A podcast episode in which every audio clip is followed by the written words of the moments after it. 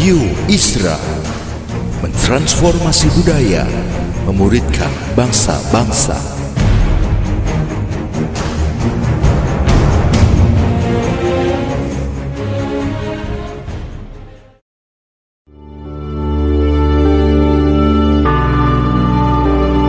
Apostolic Prophetic Messages mengungkapkan pesan dan arahan dari hati Tuhan bagi gerejanya demi menuntaskan mandat kerajaan Allah di Indonesia dan bangsa-bangsa.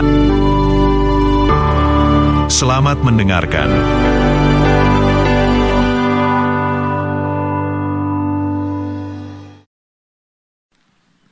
Shalom Bapak Ibu. Bapak Ibu, uh, siang hari ini izinkan saya berbagi bersama buat kita tentang uh, iman, kasih, dan pengharapan.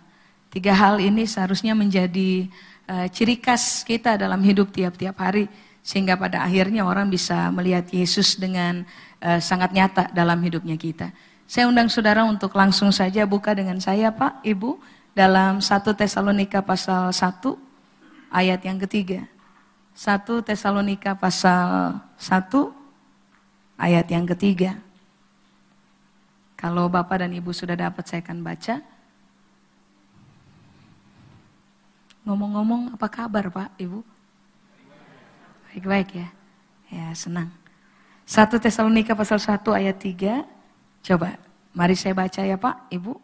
Sebab kami selalu mengingat pekerjaan imanmu, usaha kasihmu, dan ketekunan pengharapanmu kepada Tuhan kita Yesus Kristus di hadapan Allah dan Bapak kita. Nah kalau saudara baca pelan-pelan ya kalimat-kalimat rangkaian dari kata awal, saudara akan menemukan empat kata pertama kan, sebab kami selalu mengingat. Nah biasanya kalau orang bilang saya mengingat, istilahnya kan recall kan, apa yang pernah terjadi recollect, apa yang pernah terjadi kan kita kita ulang kembali kan dalam pemikiran kita gitu. Uh, orang yang mengingat itu selalu terjadi karena um, kita pernah ada pada situasi itu. Tapi di sini begini, kata mengingat di situ dalam bahasa Yunani kata yang dipakai adalah nemone nemoneo. Nemoneo itu artinya begini, bukan cuman mengingat tapi merasakan. Gitu. Jadi Paulus tuh bilang bahwa ternyata eh, orang-orang di Tesalonika itu ternyata begini. Mereka bukan cuman punya iman, kasih, dan pengharapan, lalu orang tahu itu saja. Enggak. Siapa pun yang berinteraksi dengan mereka bisa merasakan bahwa ini orang-orang itu hidup dalam iman. Rasa banget tuh bahwa orang-orang di Tesalonika adalah orang-orang yang hidup dalam kasih, dan hidup dalam pengharapan. Jadi ingat ini, ini bukan sekedar Paulus berkata, kami mengingat. Paulus sebenarnya juga lagi berkata, kami rasa banget tuh. Realita bahwa kamu punya yang disebut dengan istilah pekerjaan iman, kamu punya yang disebut dengan istilah usaha kasih, kamu juga punya yang disebut dengan istilah ketekunan pengharapan. Nah prinsipnya sesederhana ini Pak Ibu. Iman, pengharapan, dan kasih itu bukan teori. Itu harus menjadi sesuatu yang sangat nyata, yang orang bisa lihat dan orang bisa rasa. Nah sekarang hal yang perlu dipertanyakan dalam diri kita pribadi adalah, apakah waktu orang berinteraksi dengan kita, yang mereka lihat tentang pesan hidupnya kita, itu berkaitan dengan tiga hal ini, iman, kasih, dan pengharapan. Lalu waktu mereka berinteraksi dalam hidup tiap-tiap hari dengan kita, apakah waktu kita duduk bersama dengan mereka, terlibat dalam pekerjaan apa pun dengan mereka, yang mereka bisa rasa adalah begini, kita memang hidup dalam iman, kita memang hidup dalam kasih, kita memang hidup dalam pengharapan. Nah itu e, hal penting untuk dibangun dalam pemikiran kita. Orang tidak bisa cuma dengar kita bicara tentang iman, pengharapan, dan kasih Pak Ibu. Orang harus rasa bahwa itu kehidupannya kita. Orang harus ingat bahwa kita hidup dan permainan kita cuman di area tiga itu saja tuh. Kasih, iman, dan pengharapan. Amin. Eh, mari kita lihat Paulus menyebutkan kalimat-kalimat berikutnya. Ini yang dia bilang. Yang kami rasa, yang kami ingat adalah satu tentang pekerjaan imanmu. Kata pekerjaan di situ Pak, Ibu, kalau bahasa Yunani menggunakan kata ergon. Ergon tuh artinya begini, produk dari iman.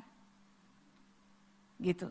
Jadi dia bilang, dia bilang, kami ingat bahwa kamu tuh punya produk dari iman. Lalu kami rasa bahwa kamu punya, kami merasakan itu, bahwa kamu memang punya produk dari iman. Nah ergon, pekerjaan iman, punya pengertian yang kedua adalah begini, kami rasa ada upaya yang keluar dari iman. Jelas ini Pak, Ibu? Pekerjaan iman artinya produk dari iman atau pekerjaan iman artinya ada upaya yang keluar dari iman. Sekarang pertanyaannya begini, apakah produk dari iman? Apakah upaya yang keluar dari iman? Apakah pekerjaan iman? Gitu aja pertanyaannya. Ternyata jawabannya cuma satu Pak Ibu ketaatan. Karena semua orang yang hidup dalam iman, produk yang akan mereka keluarkan adalah ketaatan. Semua orang yang hidup dalam iman, upaya yang kemudian muncul dalam kelakuan mereka tiap-tiap hari, cuma satu saja, ketaatan. Kalau saudara dan saya nggak punya iman, nggak mungkin kita hidup dalam ketaatan. Kalau saudara dan saya tidak mengembangkan iman dalam pemahaman kita, percayalah, ketaatan itu cuma teori, kita tidak menjadikannya sebagai gaya hidup tiap-tiap hari. Makanya kenapa Paulus bilang ini, kami bukan cuma ingat, kami rasa. So, ternyata dalam kamu punya hidup tiap-tiap hari, kamu menghasilkan produk dari iman. Kamu mengerjakan sebuah upaya yang lahir dari iman. Apa itu? Ketaatan. Nah coba, sekarang saudara buka dengan saya Ibrani Pak, Ibu. Ibrani pasal 11 ayat 1. Ketaatan adalah upaya yang keluar dari iman. Produk dari iman adalah ketaatan. Nah mari kita lihat iman. Ibrani pasal 11 ayat 1. Semua orang pasti sudah hafal ini ayat. Tapi mari saya baca. Iman adalah dasar dari segala sesuatu yang kita harapkan dan bukti dari segala sesuatu yang tidak kita lihat. Nah, iman itu sesederhana ini, Pak, Ibu. Iman itu selalu berkaitan cuman dengan dua hal saja. Dasar, bukti. Kenapa orang beriman? Karena orang punya dasar. Kenapa orang beriman? Karena seumur hidup kita, kita telah melihat bukti-bukti nyata yang semula tidak terlihat. Sampai akhirnya kita bisa melihat dengan mata sendiri. Nah, coba saudara renungkan realita ini. Kalau orang nggak punya dasar untuk percaya, agak sukar bagi orang untuk hidup dalam ketaatan. Betul? Kalau orang nggak punya bukti, bahwa apa pun yang Tuhan perkatakan itu benar dan itu pasti, maka akan sukar bagi orang untuk hidup dalam ketaatan. Makanya semua orang yang punya iman sebenarnya adalah begini. Orang-orang yang telah membangun hidup di atas dasar. Dasar yang paling baik sudah tidak ada yang lain. Cuman Yesus Kristus saja. Nah masalahnya kan sekarang begini. Yesus Kristus tidak terlihat oleh kita sekarang ini. Puji Tuhan Alkitab mengajar bahwa Yesus Kristus sama dengan firman. Dan firman itu firman hidup. Berarti semua orang yang bisa hidup dalam iman sesimpel ini. Waktu mereka memutuskan untuk menjadikan firman Allah yang hidup itu sebagai dasar dalam hidup tiap-tiap hari. Nah, firman juga bisa dijadikan bukti bagi kita. Sesimpel ini Pak, Ibu. Kejadian pasal 1. Alkitab berkata, waktu Tuhan menciptakan segala sesuatu, dia cuma memulainya dengan kalimat ini kan, Alkitab menulis, maka berfirmanlah Tuhan. Yang gak ada, jadi ada. Waktu dia bilang, jadilah terang, maka terang jadi. Apa pun yang semula nggak terlihat, akhirnya bisa terlihat. Cuman gara-gara satu faktor saja Pak Ibu, firman Tuhan. Makanya waktu Alkitab mengajarkan kepada kita, iman adalah dasar, iman adalah bukti, kaitannya nggak bisa lepas dari firman Tuhan. Nah semakin firman Tuhan menguasai cara berpikir Anda dan saya, menguasai perenungan kita dalam hidup tiap-tiap hari. Yang akan terjadi adalah begini Pak, Ibu. Tuhan suruh A, kita akan kerjakan. Kenapa? Satu, dasar kita adalah firman. Dua, kita Tuhan suruh A, kita kerjakan. Kita belum lihat hasil, tapi kalau Tuhan bilang bisa, artinya bisa. Nah itu iman. Nah, sudah lihat, Makanya tadi kenapa produk dari iman itu cuma satu ketaatan. Upaya yang akhirnya keluar ketika Anda dan saya beriman itu cuma satu. Kalau orang beriman, upaya yang kemudian tampil dalam hidupnya mereka adalah ketaatan. Nah sekarang pertimbangkan ini. Jemaat di Tesalonika, mereka jago hidup dalam ketaatan. Saudara selidiki saja hidup, eh, sorry, uh, uh, kitab Tesalonika. Satu Tesalonika, dua Tesalonika, saudara akan menemukan bahwa salah satu ciri khas dari jemaat ini adalah ketaatan. Mengapa? Karena mereka telah sangat teruji dalam ergon iman. Produk dari iman, upaya yang keluar dari iman. Nah sekarang pertanyakan begini. Firman ada di dalam saya atau tidak? Saya meyakini firman sebagai dasar atau tidak? Firman ini saya yakini sebagai bukti yang hari ini tidak terlihat, tapi nanti pada sebuah masa di depan bukti itu akan terlihat. Saya meyakininya enggak? Kalau saya meyakininya, maka firman apa pun yang Tuhan ngomong sama kita, cuman ini aja pilihannya kita Pak Ibu, kita akan taat lalu melakukannya. Amin. Mari saya tanya, sesimpel ini. Kenapa saudara menabur? Saya bertanya Pak, Ibu. Kenapa saudara menabur?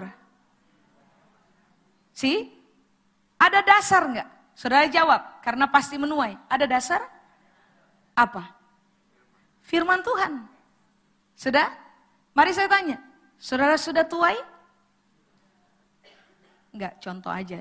Contoh, contoh. Hari ini saudara tabur, hari ini saudara tabur. Saudara sudah tuai? Kenapa tetap mau tabur?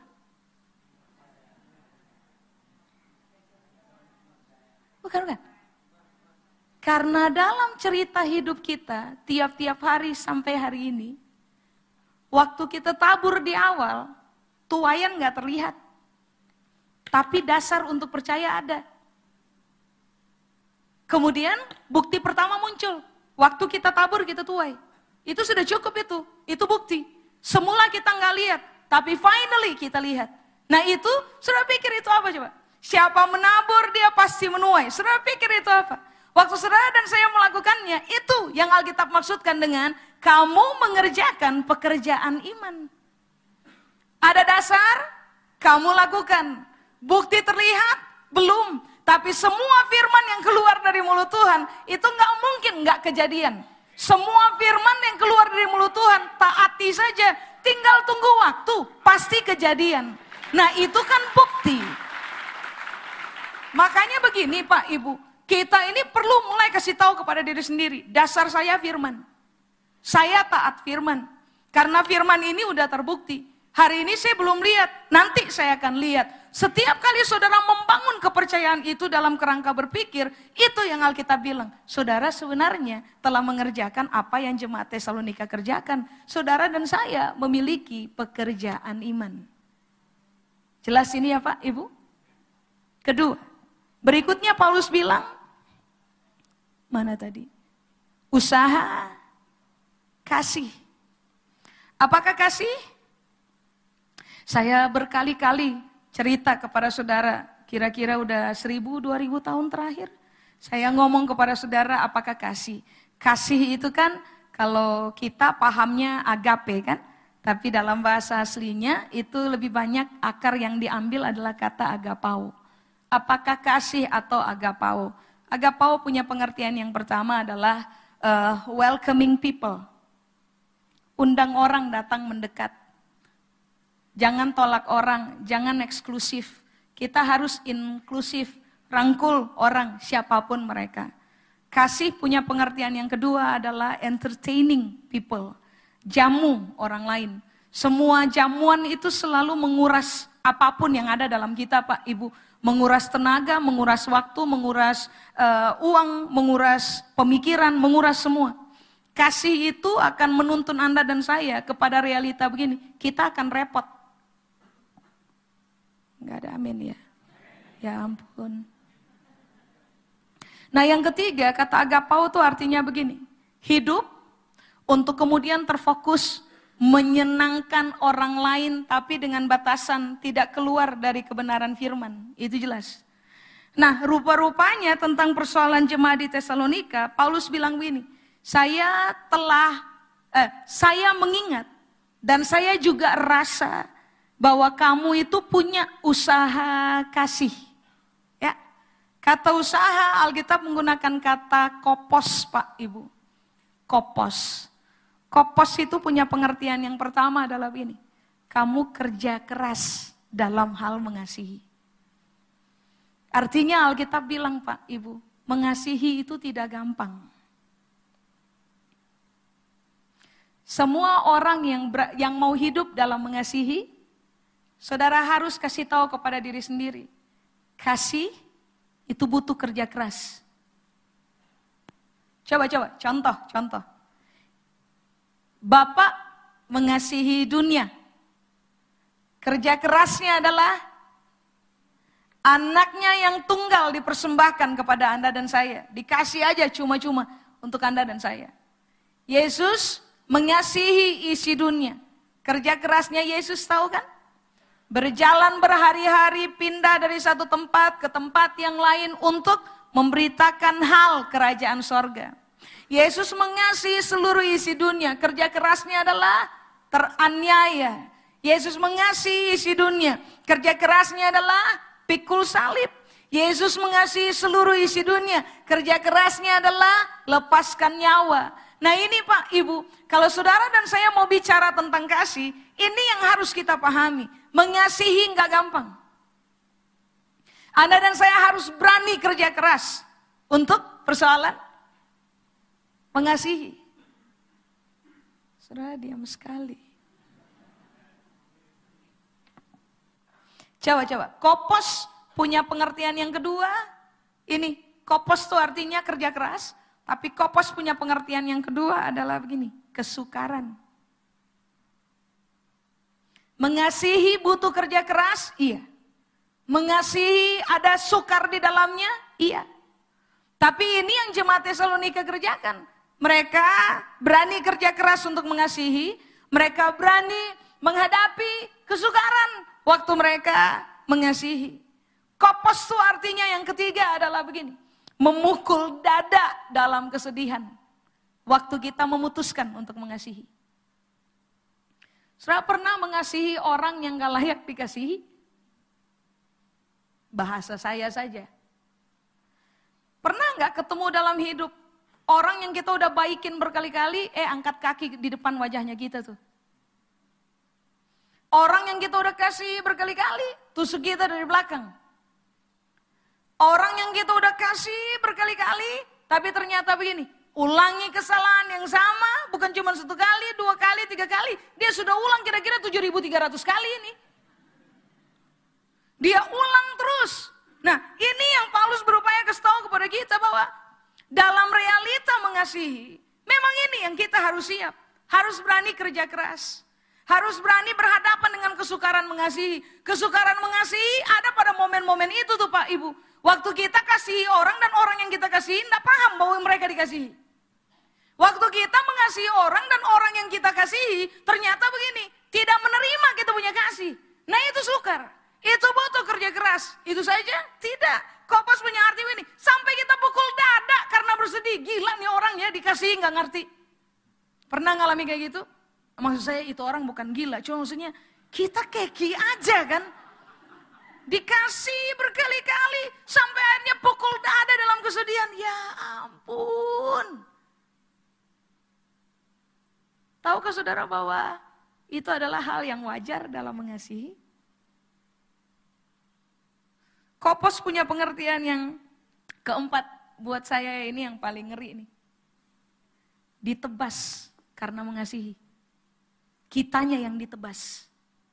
Saya tahu ditebas, dalam proses mengasihi, yang akan terjadi di dalam kita adalah semua pertimbangan dagingnya kita itu akan ditebas. Nah itu yang susah. Tapi kan begini, orang harus paham bahwa memang mengasihi butuh kerja keras. Ada kesukaran di dalamnya. Saudara akan bahasa Yunani bilang pukul dada, kalau bahasa kita kan elus dada. Kemudian yang keempat begini, saudara punya pertimbangan-pertimbangan daging, itu akan ditebas dari kita punya cara berpikir. Karena konsep yang Tuhan tawarkan adalah agapau. Kamu mau welcoming orang, mau undang orang datang masuk, rangkul siapa saja, terima orang tanpa syarat, selamat datang. Kamu akan berhadapan dengan kesukaran, kerja keras, elus dada, pertimbangan daging ditebas. Kamu mau jamu orang, mau kasih yang terbaik buat orang. Secara orang itu nggak nyadar bahwa yang kalau kamu, udah kasih itu yang terbaik, dia nuntut aja lebih banyak. Ya selamat datang. Kasih butuh kerja keras, kasih itu sukar, Kasih itu akan bikin kita elus dada. Kasih akan membuat pertimbangan-pertimbangan daging kita ditebas dari kita. Halo? Saudara mau menyenangkan orang dalam hidup tapi tanpa melanggar firman Allah? Itu saja yang Paulus bilang. Kamu harus berani kerja keras. Kamu harus berani berhadapan dengan kesukaran. Kamu harus berani elus dada atau pukul dada. Lalu kamu harus berani bahwa pertimbangan-pertimbangan daging di dalam kamu akan ditebas gitu oleh kebenaran. Nah pertanyaannya, siap nggak? Ini pertanyaan kedua Pak Ibu. Siap nggak? Sepersoalannya begini. Kita mau mengasihi sampai pada batasan yang kita mau.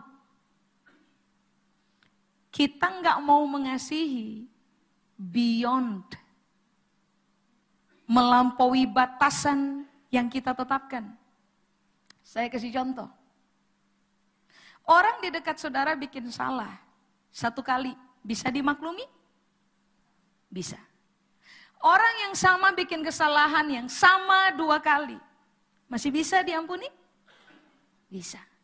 Orang yang sama bikin kesalahan yang sama untuk kali yang ketiga, apa yang terjadi? Ingat ya, cukup. Tiga kali, cukup ya? Kali keempat, ah ingat baik-baik, tidak ada maaf buat kamu. Sudah pikir apa ini? Batasan. Kita batasi kita dalam itu tuh yang Paulus bilang tentang jemaat di Tesalonika. Dalam persoalan mengusahakan kasih. Sedangkan ini yang Anda dan saya harus pahami. Mengasihi itu akan membawa kita beyond. Melampaui kita punya batasan. Apa coba? Kenapa coba? Karena dagingnya kita tidak mau kerja keras mengasihi Pak Ibu. Waktu kita putuskan mengasihi, daging harus takluk kepada itu. Bahwa mengasihi memang sukar. Mengasihi memang butuh kerja keras. Mengasihi bikin kita lulus dada. Secara itu orang juga nggak nyadar kan. Berikutnya, mengasihi membuat Anda dan saya harus berani mengalami keadaan ditebas. Kita nggak suka ditebas Pak Ibu. Nggak suka berkeringat. Nggak suka berdarah-darah dalam persoalan mengasihi. Makanya kenapa orang belum bisa mengingat ulang bagaimana kita hidup dalam kasih dan orang kebanyakan belum merasakan dampak dari kekuatan kasih yang kita upayakan tiap-tiap hari dalam hidup. Padahal pesan paling inti dalam kekristenan itu cuma kasih kan Pak Ibu. Coba Pak Ibu. Surah buka bersama dengan saya Lukas pasal yang ke-6. Saya baca ayat 35 Pak Ibu. Lukas pasal 6 ayat 35.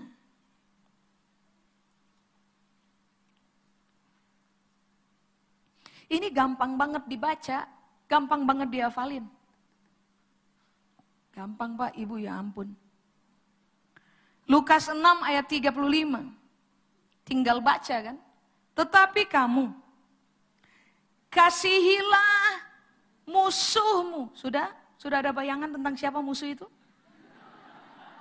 Nah ini yang Alkitab bilang, kasihi itu orang itu. Mau dia punya nama tembok, dia punya nama meja, dia punya nama gelas. Nah saudara harus bayangkan dia punya orang itu, tembok, gelas, meja. Lalu konsep ini yang kebenaran ini yang Alkitab bilang. Nah makhluk itu tuh kamu kasihi. Sudah? Baca gampang. Hafal gampang. Praktek susah. Makanya dalam proses mengasihi ada air mata. Nah selama datang itu kewajaran dalam proses mengasihi. Gak ada amin ya. Waktu saudara mengasihi lalu dada rasa sesak. Selamat datang, saudara sedang ada pada proses yang betul. Mengasihi lalu mau gila? Bukan gila betulan, mau aja. Mau gila? Tertekan, sakit. Selamat datang, saudara ada pada proses yang betul. Karena Paulus bilang, kerja keras, sukar, elus dada, kamu ditebas. Tetapi kamu kasihilah musuhmu dan Berbuatlah baik kepada mereka. Sebentar, berbuat baik sama siapa? Berbuat baik sama teman. Ya ampun Pak, Ibu, tutup mata kita bikin. Berbuat baik sama musuh. Terus? Pinjamkan dengan tidak mengharapkan balasan. Sudah? maka upahmu akan besar dan kamu akan menjadi anak-anak Allah yang maha tinggi sebab ia baik terhadap orang-orang yang tidak tahu berterima kasih dan terhadap Nah, musuhnya saudara masuk kategori itu enggak? Dibaikin, nggak tahu terima kasih. Dibaikin, jahatnya gila banget. Nah ini yang kemudian Lukas, Lukas nih dokter pak, ibu orang pintar. Lukas bilang begini, Allahnya kita yang maha tinggi, dia punya ciri khas adalah begini. Dia baik sama orang yang tidak tahu berterima kasih, which is kita itu. Kemudian dia baik sama orang-orang jahat, which is kita. Coba lihat apa yang dia alami. Untuk kita yang nggak tahu terima kasih, padahal udah dikasih berkali-kali nggak tahu terima kasih. Kita yang jahat dibaikin berkali-kali tetap jahat. Coba perhatikan, Tuhan lakukan apa coba? Kerja keras, sukar, elus dada. Kalau hari itu Yesus elus dada, misalnya kan kita nggak ada hari itu. Istilah pertimbangan aja, elus dada, lalu ditebas, cuman gara-gara kita coba. Nah kan kita pahami statement uh, universal. Like father, like son. Sebentar pertanyakan ini. Kamu punya bapak, mengasihi orang tidak tahu berterima kasih dan orang jahat. Pertanyaannya, kamu melakukan hal yang sama enggak? Pertanyaan ketiga nih. I, i, ini kan harus kita renungkan ulang berkali-kali Pak Ibu. Sebab begini, Kasih bukan kasih sampai orang di sekeliling kita rasa. Kasih bukan kasih sampai itu berubah menjadi tindakan nyata. Yang orang bisa lihat, orang bisa bicarakan, orang bisa peluk, orang bisa sentuh. Coba lihat di, di kalimat awal. Satu, musuh. Dua, bikin baik sama mereka. Tiga, pinjamkan sama mereka. Nggak usah terima balas. Kalau kata orang dunia, bodoh kan? Atau itu tindakan pintar itu? Kalau saudara tanya saya, menurut saya itu tindakan paling bodoh nih. Kalau bermain logika, bermain logika, sesimpel ini kan firman Tuhan lagi ajar kita bodoh. Iya enggak sih? Sudah pernah berpikir itu enggak? Atau cuma saya jahat saja yang pikirannya jahat ya? Enggak karena waktu saya baca saya berpikir, gila ya ini. Maksudnya, ya ampun, ini betul-betul musuh nih. Tiba-tiba musuh ini kan yang akan kita pikirkan adalah bagaimana kita rancang dia boleh datang tapi pulang tinggal nama. Nah itu kan yang akan kita pikirkan kan Pak Ibu. Itu yang akan kita pikirkan paling banyak itu dalam pemikiran kita. Kenapa coba? Ini musuh. Orang disebut cerdas oleh dunia adalah ketika musuh kita, orang bikin jahat kita balas dengan kejahatan kan. Seringkali otak kita yang sudah jahat dari asli kan, kita berpikir, orang bilang kasih saran, oh yang itu tuh paling bagus kalau ya dia punya gigi hilang satu lah. Nah, contoh gitu. Tapi kita, karena kita yang disakiti apa yang kita pikir? Itu orang paling bagus bukan gigit tanggal satu. Itu orang paling bagus kalau mereka punya kepala tanggal dari tubuh.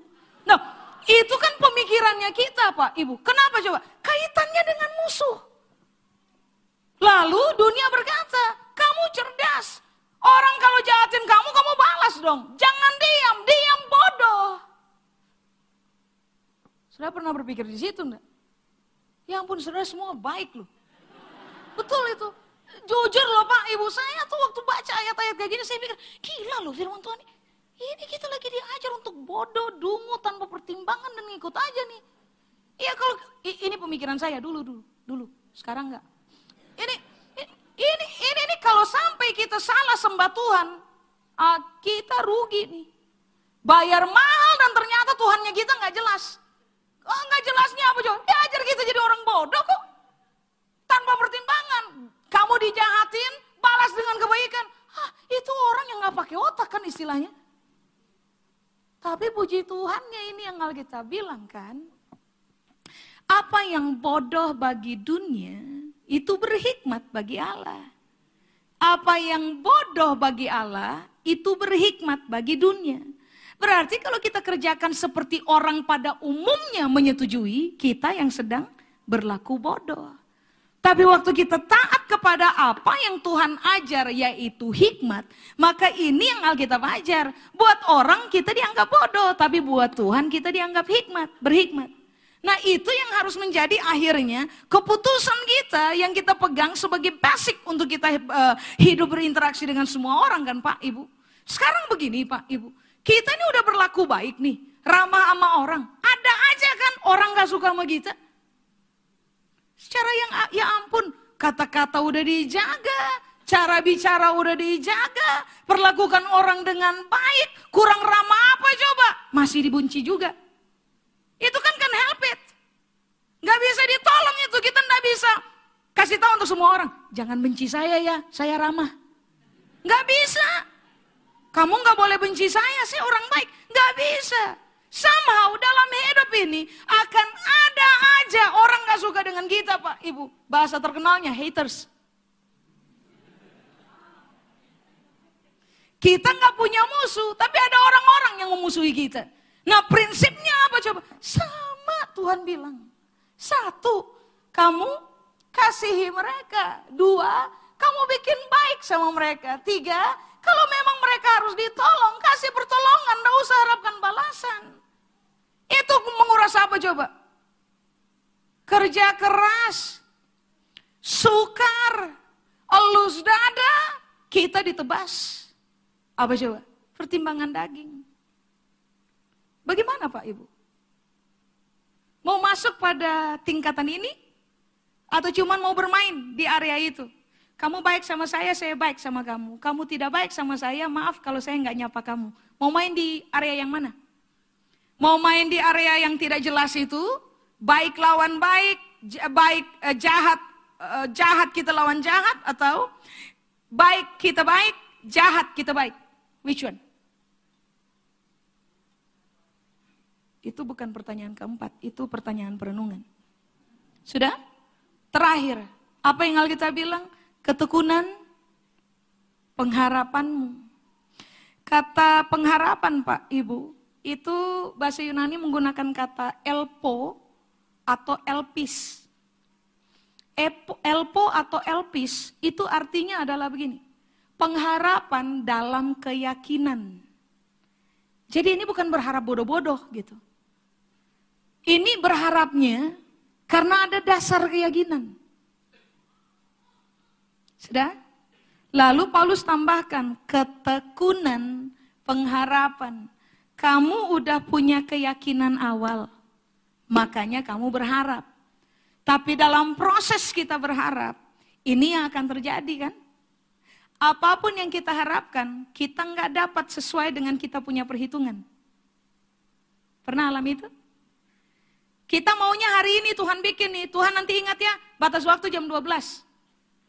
Saya yakin Tuhan akan bikin, tapi ini sudah lama nih, saya sudah tunggu kira-kira 7, 700 hari ini. Nah ini hari terakhir Tuhan, saya kasih batas waktu sampai jam 12. Lalu nanti kalau Tuhan tak kerjakan pada teng jam 12, apa yang akan terjadi? Pengharapan kita pupus. Tidak bisa. Waktu Paulus bilang tentang ketekunan pengharapan, Pak, Ibu, orang yang hidup dalam keyakinan itu nggak gampang digoyah. Betul? Saudara nggak punya keyakinan, saudara gampang digoyah. Saudara dan saya punya keyakinan, nggak ada orang yang bisa goyah kita. Nah dari dasar keyakinan itu, yakin akan Tuhan, yakin akan firman, yakin Tuhan tidak berdusta. Dari dasar keyakinan itu, yang akan terjadi adalah kita berharap. Sementara kita berharap, hal ini yang Anda dan saya harus bangun, ketekunan.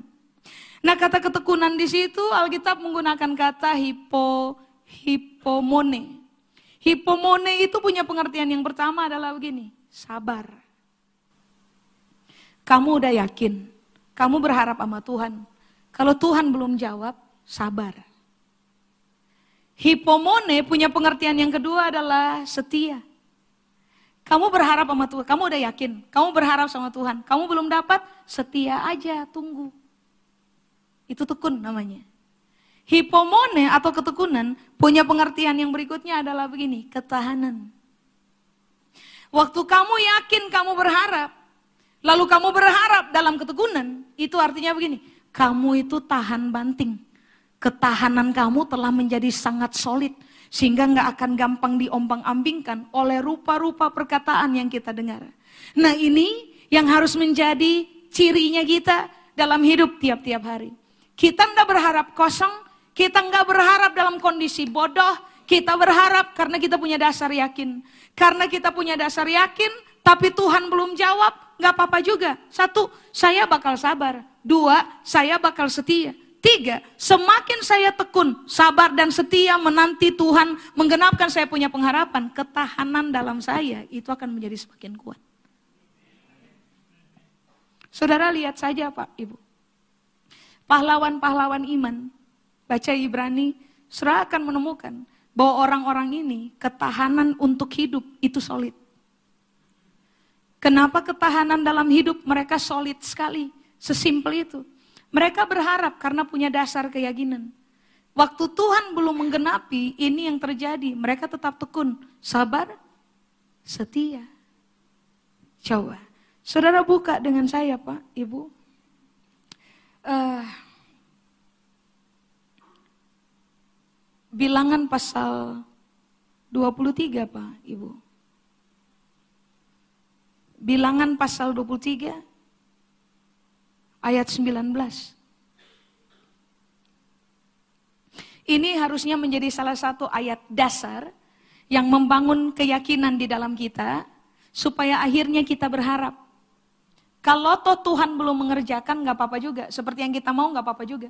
Kita akan sabar tunggu, kita akan setia tunggu. Semakin kita sabar dan setia nunggu, ketahanan dalam kita menjadi semakin kokoh. Sehingga akhirnya semakin lama waktu menunggu, kita semakin kuat menunggu ketahanan. Ya? Dasar. Bilangan 23 ayat 19. Allah bukanlah manusia sehingga ia berdusta. Bukan anak manusia sehingga ia menyesal. Masakan ia berfirman dan tidak melakukannya. Atau berbicara dan tidak menepatinya. Alkitab bilang Allah bukanlah manusia sehingga ia berdusta. Kata berdusta di situ Pak Ibu. Kata Ibrani menggunakan kata ini kazab. K-A-Z-Z-A-B. Kazab. Kazab itu artinya begini. Allah itu, eh sorry, berdusta kan, berdusta. Berdusta kazab itu artinya begini. Teruji sebagai pendusta. Teruji. Itu kalau berdusta. Kazab. Teruji sebagai pendusta. Kazab punya pengertian yang kedua adalah begini, ditemukan berdusta. Contoh-contoh. Saya saya contoh saja. Saya adalah Tuhan. Pak Joni adalah, oh, Pak Joni nggak ada ya? Agak susah memang. Pak Boni adalah manusia. Saya adalah Tuhan, Pak Boni adalah manusia. Kalau Tuhan berdusta, artinya begini. Pak Boni somehow dalam cerita menemukan saya. Saya ketemu, ketahuan gitu. Selama ini kan sembunyi-sembunyi, nggak berdusta. Tiba-tiba pada satu hari, Pak Boni ketemu tuh, menemukan saya berdusta. Itu kasap. Lalu ternyata waktu interaksi dalam kehidupan tiap-tiap hari, Pak Boni akhirnya mengambil kesimpulan, oh Ona, yang ngaku-ngaku Tuhan itu teruji banget dalam berdusta. Jelas Pak Ibu? Berdusta, kasap, itu arti yang ketiga adalah begini, mengecewakan dan gagal. Nah, bilangan pasal 23 ayat 19, puji Tuhan, Alkitab bilang, Allah bukanlah manusia sehingga ia berdusta. Jadi artinya, karena dia bukan manusia, manusia berdusta. Manusia ketahuan pendusta. Manusia teruji sebagai pendusta. Manusia mengecewakan, manusia gagal dalam omongan. Tapi ini Alkitab bilang, Allah bukan manusia sehingga ia berdusta. Artinya dia tidak berdusta. Berarti dia tidak pernah ditemukan berdusta. Dia tidak pernah ketahuan berdusta. Dia tidak pernah teruji sebagai pendusta. Bapaknya kita tidak disebut sebagai bapak pendusta Pak Ibu. Bapak pendusta itu setan. Bukan Tuhan. Makanya kenapa Alkitab bilang dia tidak pernah ditemukan sebagai pendusta dan dia tidak pernah teruji sebagai pendusta. Berikutnya, dia tidak akan pernah mungkin mengecewakan. Berikutnya, dia tidak akan pernah mungkin gagal. Sebentar, kita sembah Tuhan yang mana nih? Kalau kita sembah Tuhan yang ini nih, Harusnya firman ini jadi dasar kita berkeyakinan kan Pak, Ibu? Sehingga akhirnya kita berharap kepada anything. Saudara sedang menanti pertolongan Tuhan, berharap di area itu. Kita punya dasar? Punya. Kita berharap pakai keyakinan? Punya. Tuhan belum tolong kita? Nggak apa-apa juga. Saya punya keyakinan dasar kok. Saya akan setia sampai Tuhan tolong. Saya akan sabar sampai Tuhan tolong. Kenapa? Saya punya dasar meyakini bahwa pengharapan ini nggak mungkin gagal. Masalah dari kebanyakan orang adalah berharap tanpa dasar untuk diyakini. Makanya pada satu titik cerita kita capek pak ibu. Saudara kalau jadi orang Israel yang diperbudak di tanah Mesir capek nggak sih tunggu Tuhan?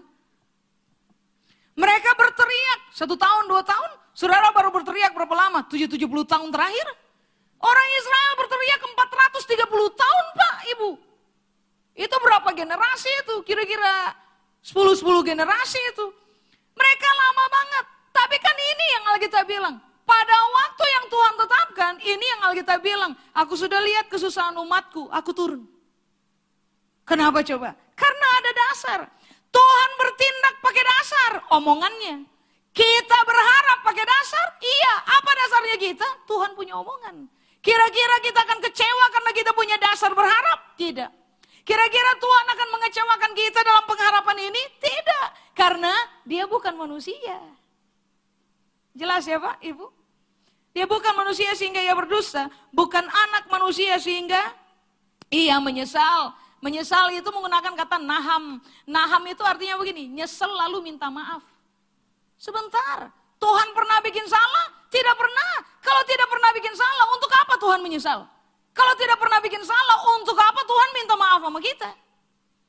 Nah itu kan yang harus dibangun dalam kita punya cara berpikir. Supaya pada akhirnya waktu firman berbicara kepada Anda dan saya, kita ambil itu sebagai dasar berkeyakinan. Keyakinan itu harus naik kepada level berikutnya. Berharap kepada Tuhan karena dasar keyakinan. Nanti lihat saja, saudara mau tunggu 10 tahun, saudara mau tunggu 20 tahun, somehow apa pun yang saudara harapkan itu jadi.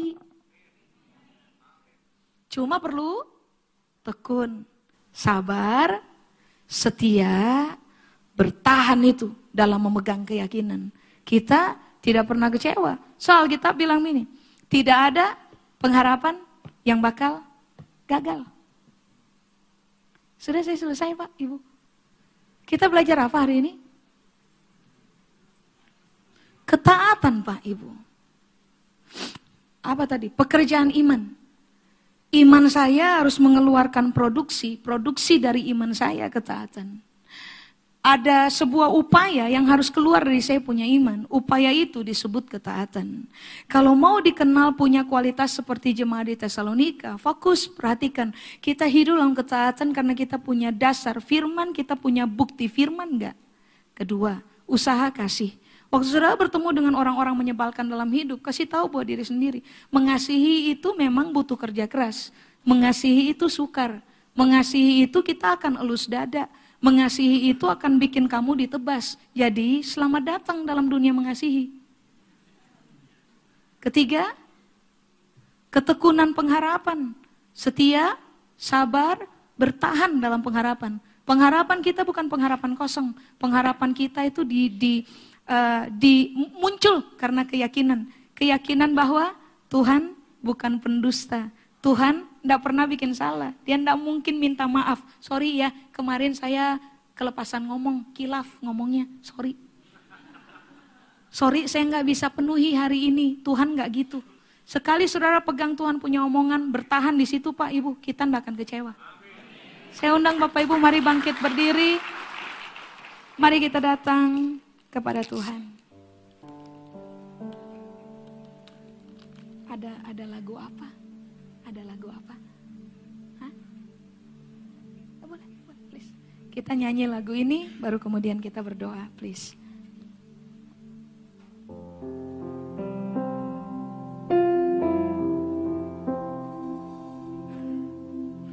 Kau kekuatanku, kau penghiburku, kau tepati semua janjimu di setiap langkah aku kan berserah memberikan hidupku bagimu Yesus Yesus.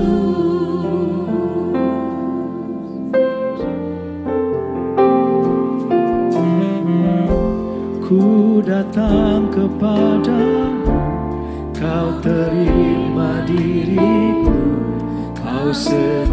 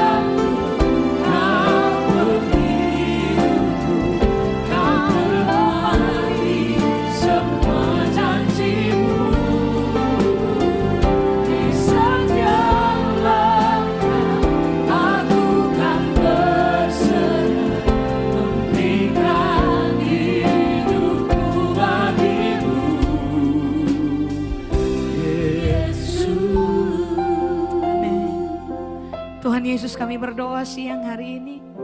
Kiranya kami pulang dengan keputusan untuk meyakini bahwa semua iman harus dikerjakan. Lalu pekerjaan iman harusnya adalah ketaatan.